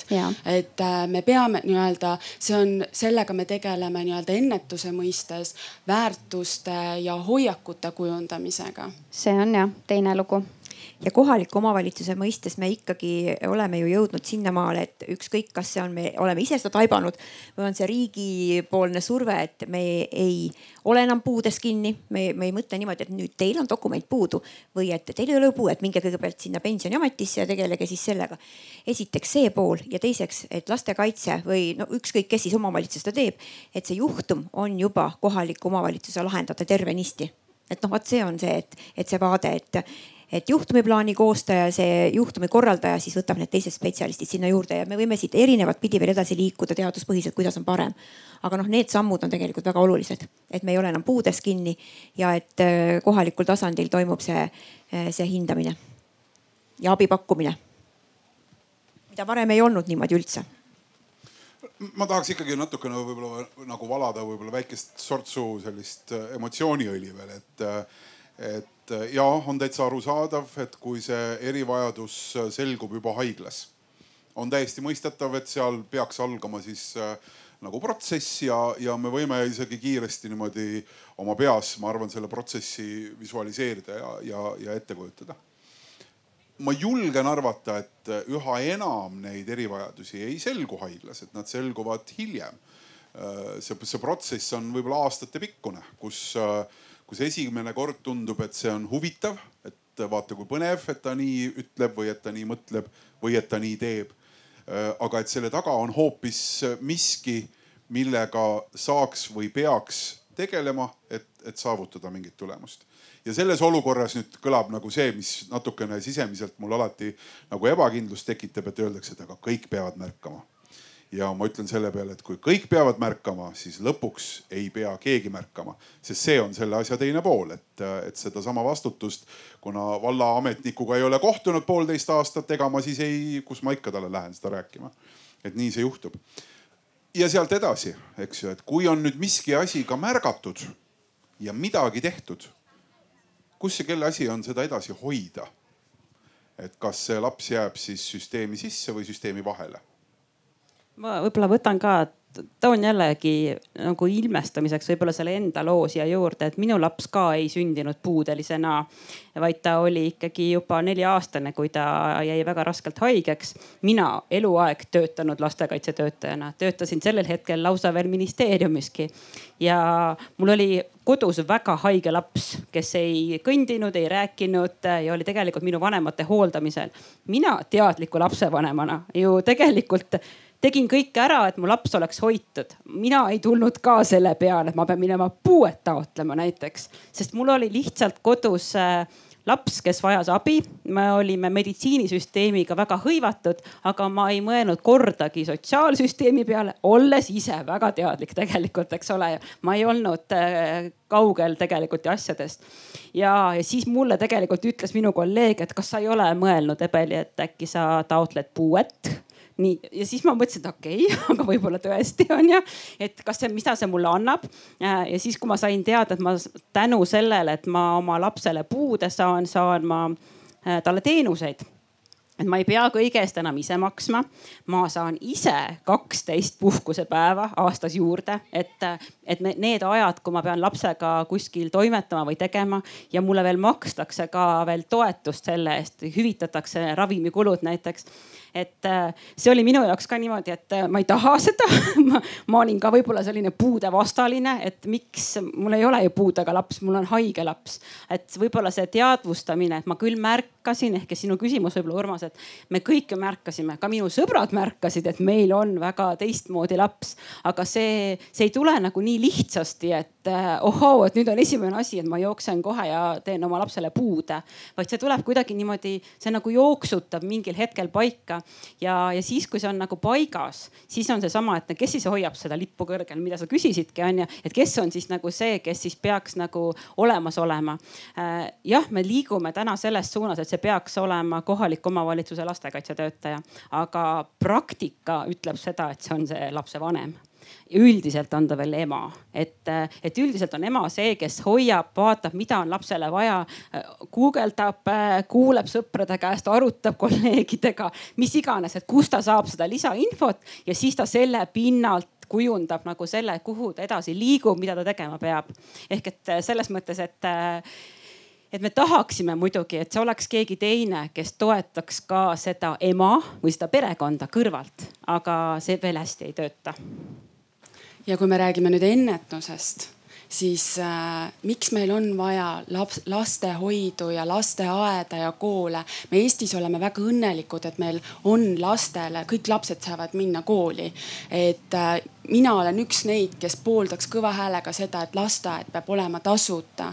see on universaalne ennetusmeede, sest sealsed spetsialistid, kes on, need aitavad võimalikult vara märgata, tuvastada koostöös äh, vanemaga siis äh, äh, nagu leida see abi. et see on see koht, mis äh, toimib jälle ennetuses ja, aga ma võin äh,, emotsiooni tahtsid jah? no ma tahan teada, ma jäin ise väga mõtlema selle üle, et kas me tahame, et ema asemel oleks keegi, et ma saan aru, et on olukordi, kus ema äh, ei ole enam selles mängus aktiivne osaline, eks ju, ja see on hoopis teine situatsioon, aga ma püüdsin enda peas kogu aeg paika saada, et millist maailma ma tahan. Äh, ja, ja ma veel ei jõudnud, aga sa võid emotsiooniga edasi tulla. ja, aga me kõik, meil kõigil ma, oma peas on oma maailm, mida me tahame või mm. ei taha, eks ju. et asi ongi selles, et kuidas me siis nagu edasi lähme selle oma unelma ja soovi ja visiooniga. aga minu lugu isiklikult on selline, et minu vend on puudega ja minu venna teekond diagnoosini oli nii pikk, et ta sai selle alles, äh, ma ei tea, kaheksateist pluss, pane veel kümme aastat juurde.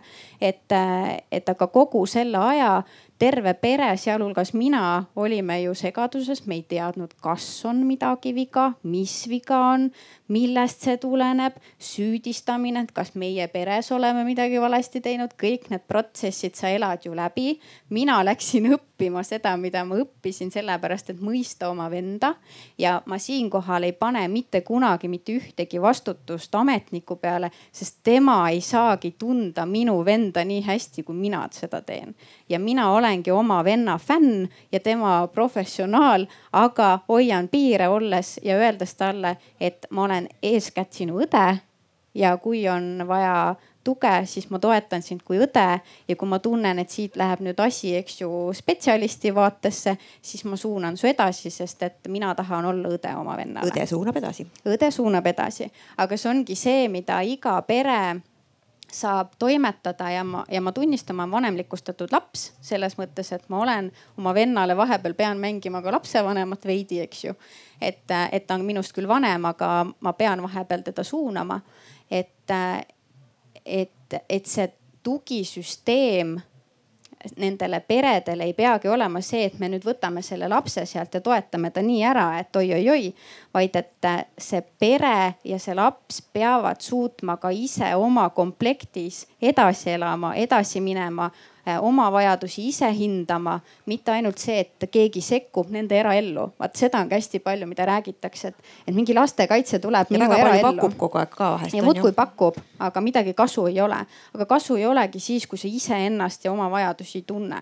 ja see on jälle see hästi oluline koht, mida mina olen tundnud oma isikliku kogemuse läbi, et eeskätt pean olema mina proff ja enda mõttes proff, et mida mina vajan ja siis ma saan ju rääkida, mida ma vajan ja siis saab lastekaitsetöötaja mulle pakkuda, et okei okay,, sa vajad seda, sinu abivajadus on hinnatud. mis sa arvad, kas see aitaks? Me tegelemegi riskide maandamisega, et see lastehoid ja lasteaed on ju ka see koht, et, et me kõik ei ole õppinud äh, lapsevanemaks äh,, selles suhtes lapsevanemaks õpitakse, selleks ei sünnita. aga me kõik ei ole koolis õppinud inimese arengut äh,, mis on nagu, et me teaksime, et tegelikult äh, ma võin olla magistrikraadiga väga hea tippinsener, aga ma võib-olla inimese arengust ei tea midagi. Ja vot see on see koht, kus me nii-öelda eh, siis saame nii-öelda aidata ja, ja toetada, et see kindlasti ei ole mõeldud niimoodi, et äh, loomulikult alati jääb ennetuses eeti, eetika küsimus, et mis hetkel me trügime inimese nii-öelda privaatsesse ruumi ja ellu.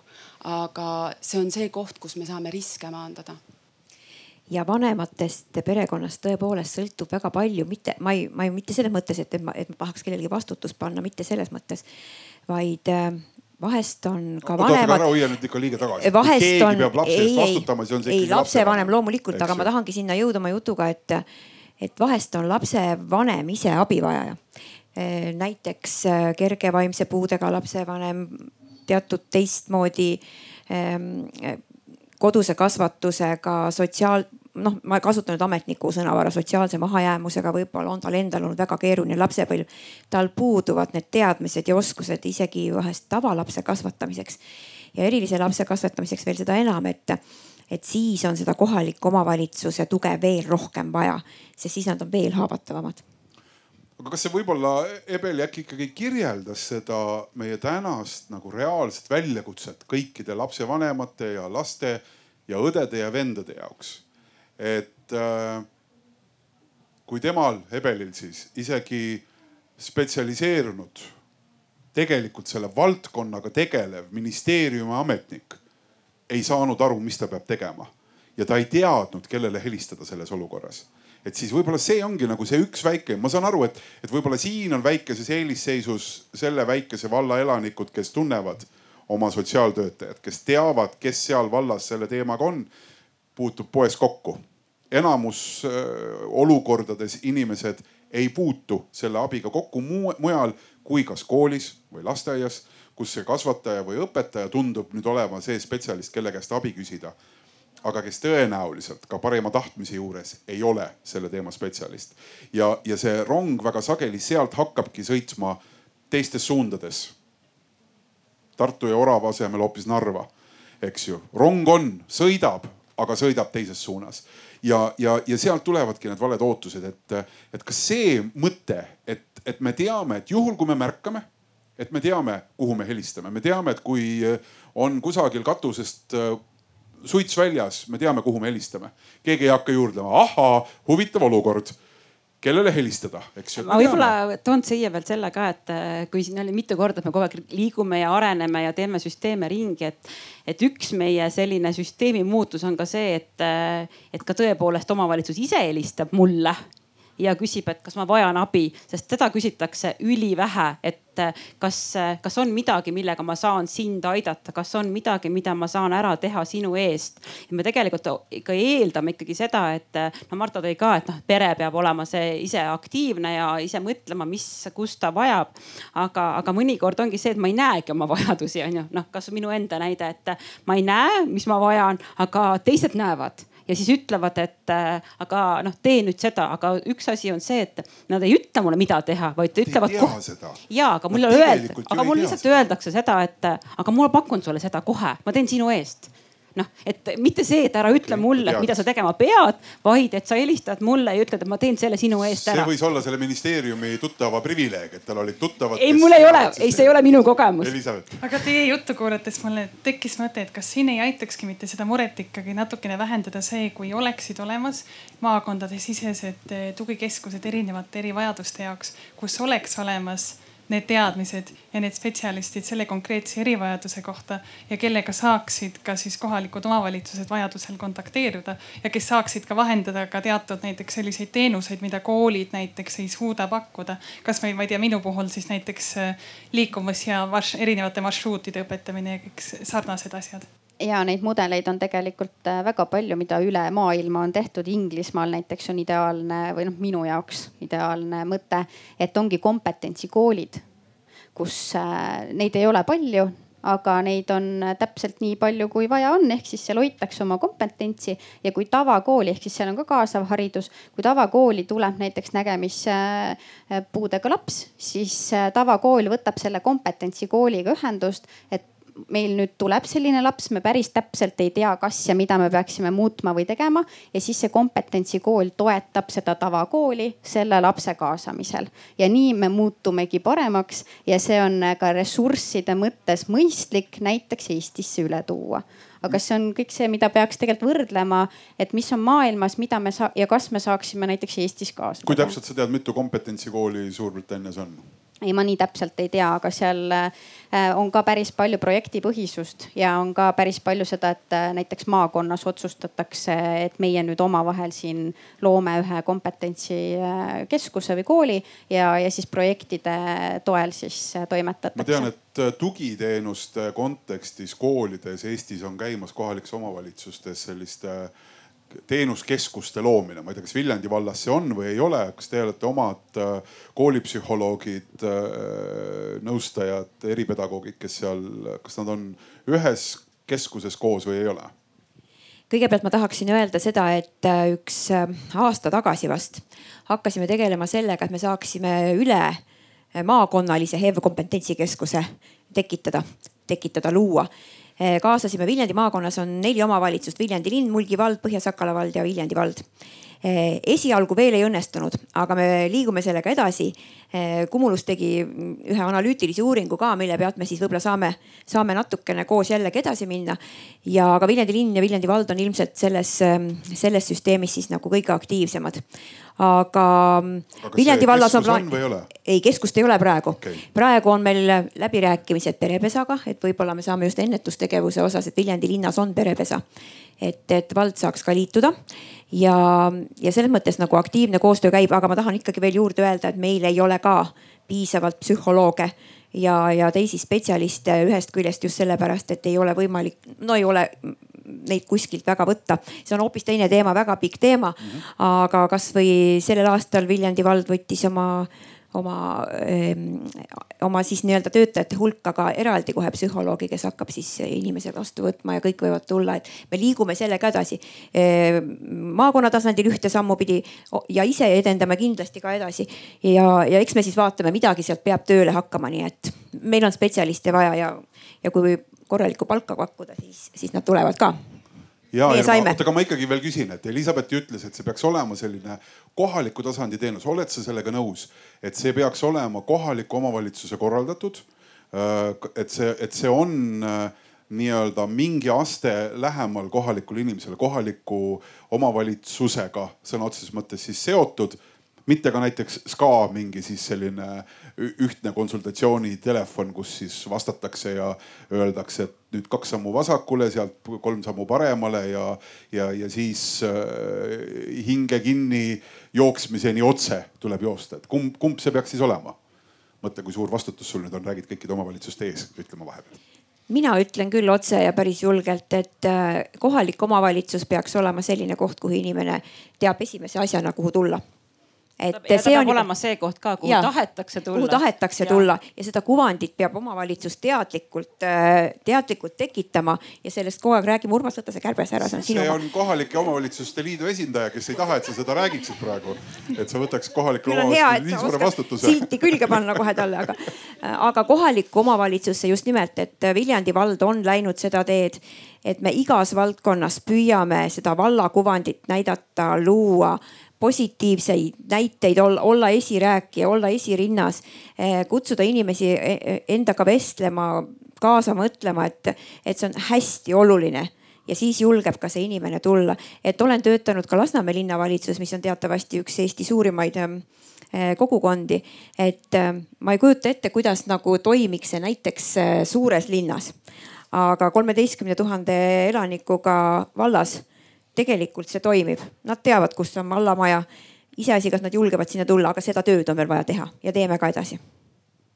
tulge ikka kohalikku omavalitsusse, muidugi, kuhu siis veel esimesena mm? -hmm, Pille äh, mina tahaksin siinjuures öelda, et aga tuleb uurida ja küsida nende käest, et äh, kas nendel on esimene koht kohalik omavalitsus, kuhu nad pöörduvad ja kui nad ei pöördu sinna, et siis äh, me peaksime tegema tegevusi, et äh, inimesed pöörduksid kohalikku omavalitsusse, aga ma olen nõus, et äh, äh, inimesele peab olema see lähedal ja kohalik omavalitsus on inimese lähedal. Et sinna ta peaks julgema helistada, sealt ta peaks abi saama. Ja mulle väga meeldis Urmas see küsimus, kui sa küsisid Viljandi Äh, esindaja käest, et palju teil on neid inimesi, kes selle teemavaldkonnaga tegelevad. et äh, tegelikult on ka see, et inimesed ei ole universaalsed puhastusvahendid.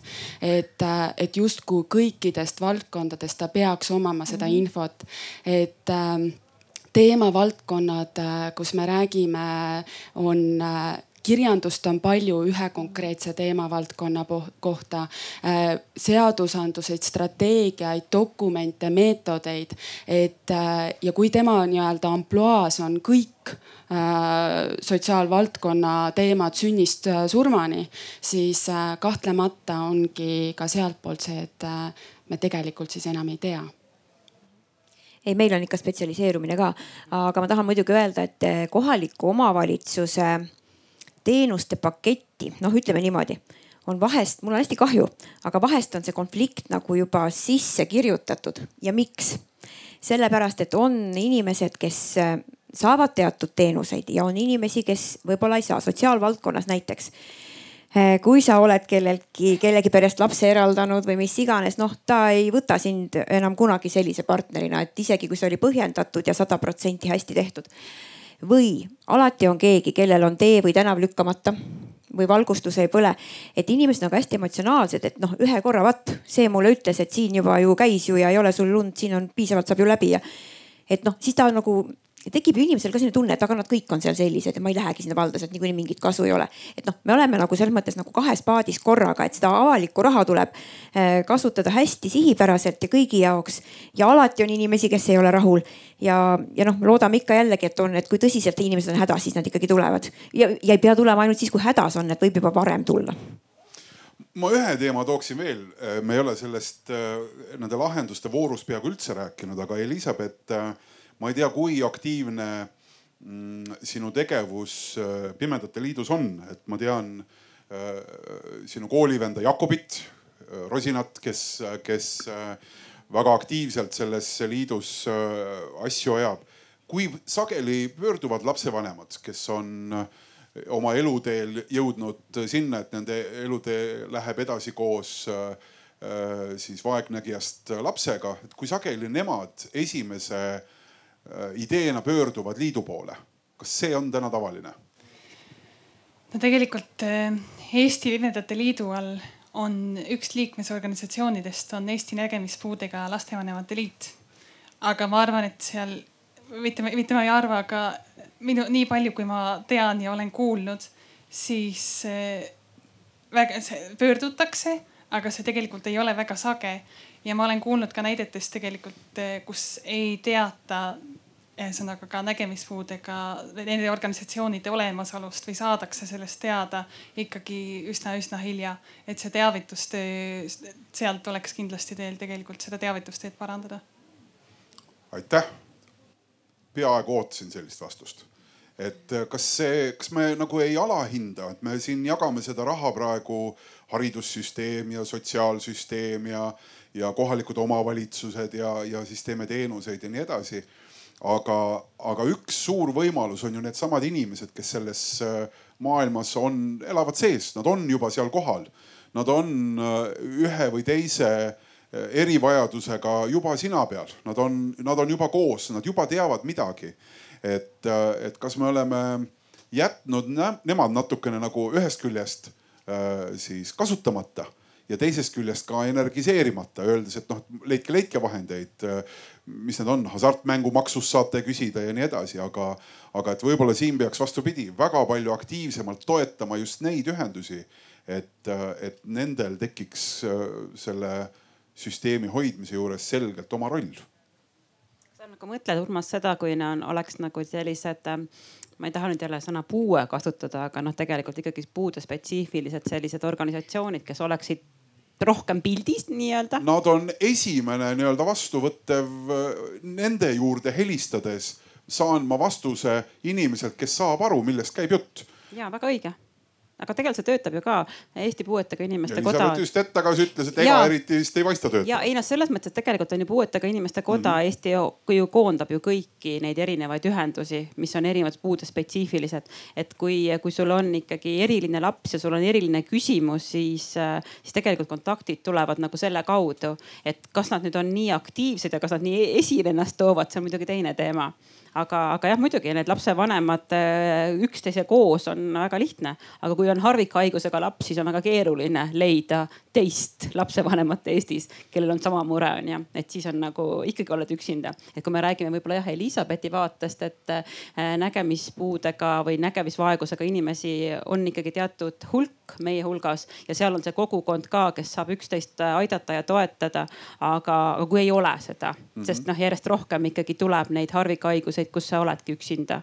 et siis ei olegi muud, noh, sa peadki ise leiutama. Ja siis on tore, kui sul on kõrval äh, tõesti, kas on sul lastekaitsetöötaja, on sul mõni. Äh, see ei välista seda, see ei välista seda absoluutselt, absoluutselt.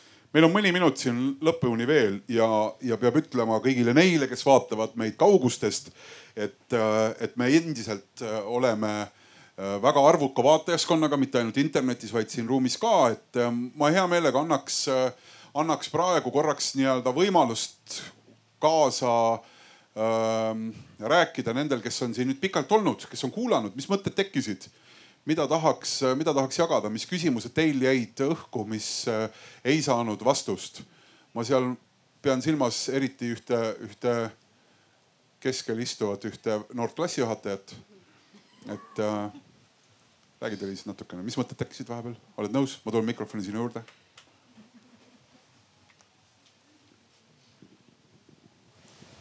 ja ei, väga huvitav on olnud kuulata erinevaid mõtteid, võib-olla see just, mis ähm, ka ma ise tundsin kuidagi puudutas või oli aktuaalne just see, et kui me rääkisime sellest vanema rollist ja just see, kui suur ähm, ütleme, vastutus on sellel vanemal, aga just mida teha siis, kui sa näed, et vanemal on ka seal raske, et kui sa oledki õpetaja ja et sa peaksid suunama teda kuidagi seal süsteemis et see oli kindlasti üks selline mõte, aga ma kindlasti jagaks ka mikrofoni teistega, et ma ei tahaks seda nagu.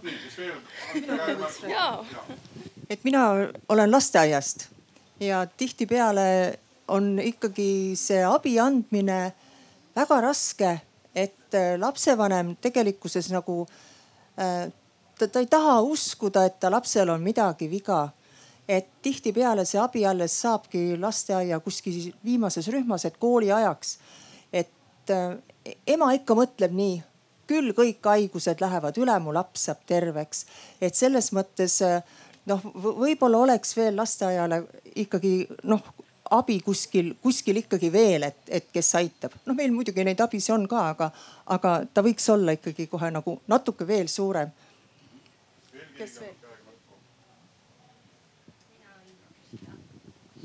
Minul on nüüd selline võhiklik küsimus, sest mul endal puudub isiklik äh, kogemus äh, muus osas kui see, et ma aina tihedamini kuulen oma tutvusringkonnast, et erivajadustega lastega pered kolivad Rootsi, kus nende eest hoolitsetakse paremini.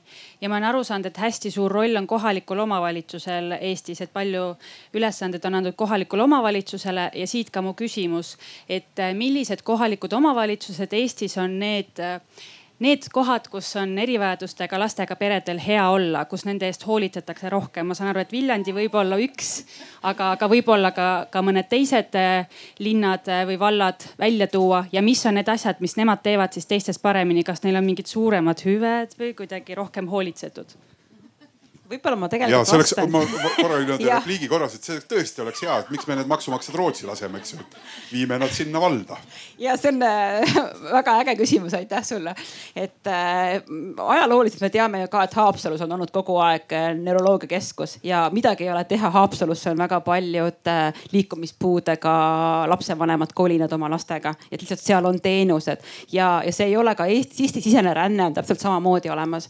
et tõesti ka Viljandisse tõepoolest minnakse, eriti kui on väga keerulised lapsed, siis Viljandi Jaagu kool on, pakub noh, kõike, et, et jah, inimesed liiguvad, aga muidugi ma peaks ütlema, ega ka Tallinnas ei ole halb. mina olen siin praegu vist üksinda selles reas, okei okay,, Urmas on ka Tallinnast.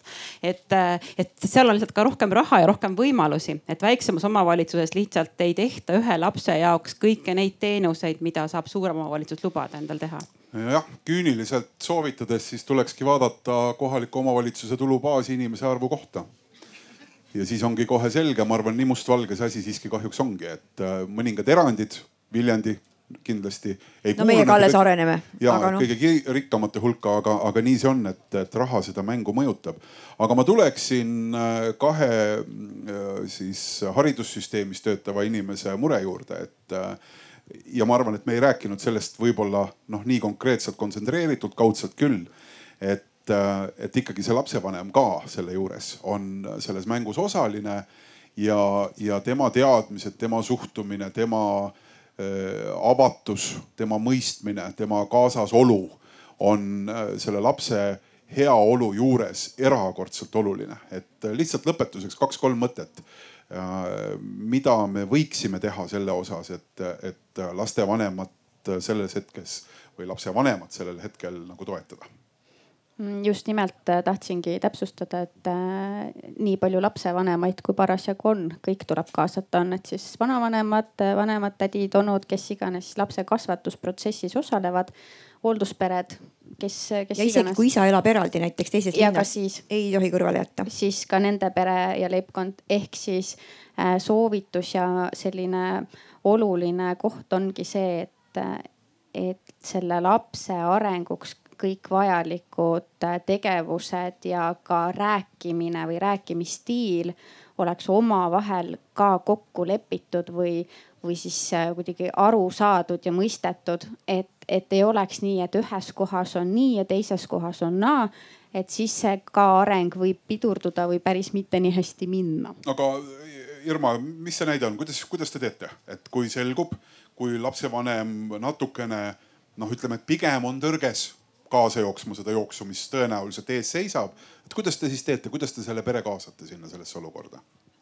selles mõttes, selles mõttes, et see on iseenesest on ta ju lihtne ehm, ega ei saagi kõike kohe ja korraga, seda, seda tuleb endale iga kord nagu ähm, meelde tuletada, et mõni lastekaitsespetsialist, no ta tahaks nagu kohe aidata ja, ja kohe leida lahenduse.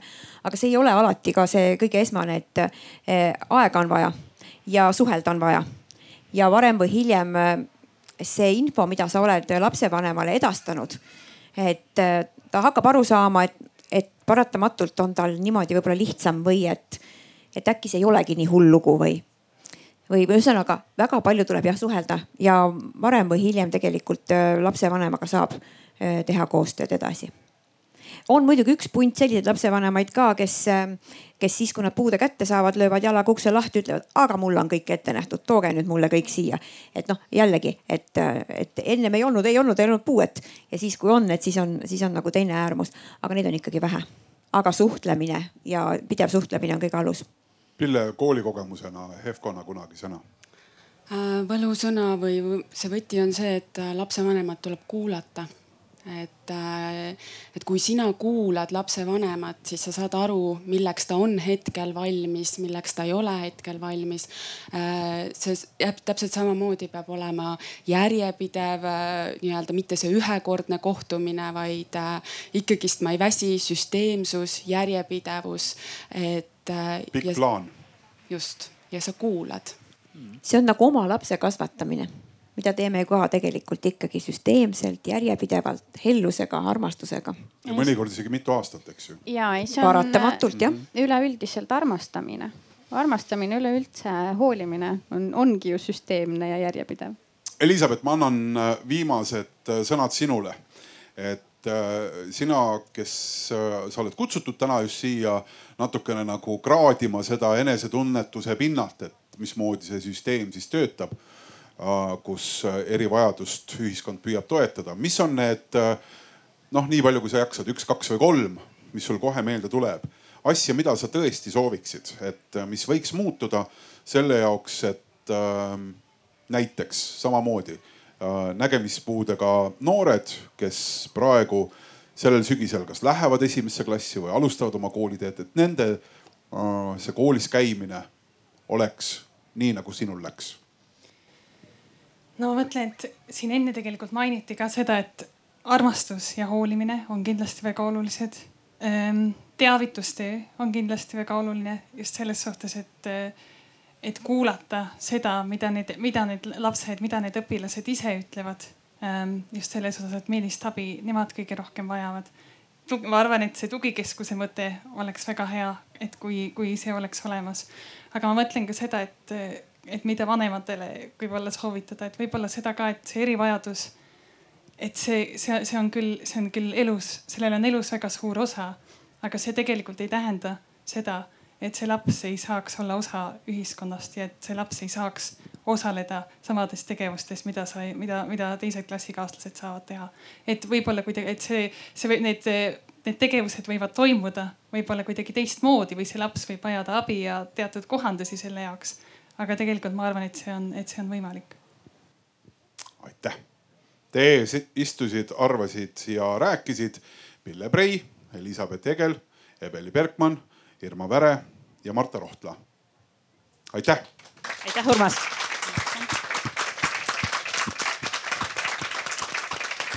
ja Irma käest jääme siis küsima, et kas Viljandi vallas on tekkinud see äh, tugikeskus või nõuandekeskus. Jääme iga, igal aastal tuleme Paides kokku. väga hea, mina töötan selle nimel edasi. aitäh. jõudu tööle. suur tänu, aitäh kõigile jälgijatele. järgmine arutelu kahekümne kaheksa minuti pärast. selge see,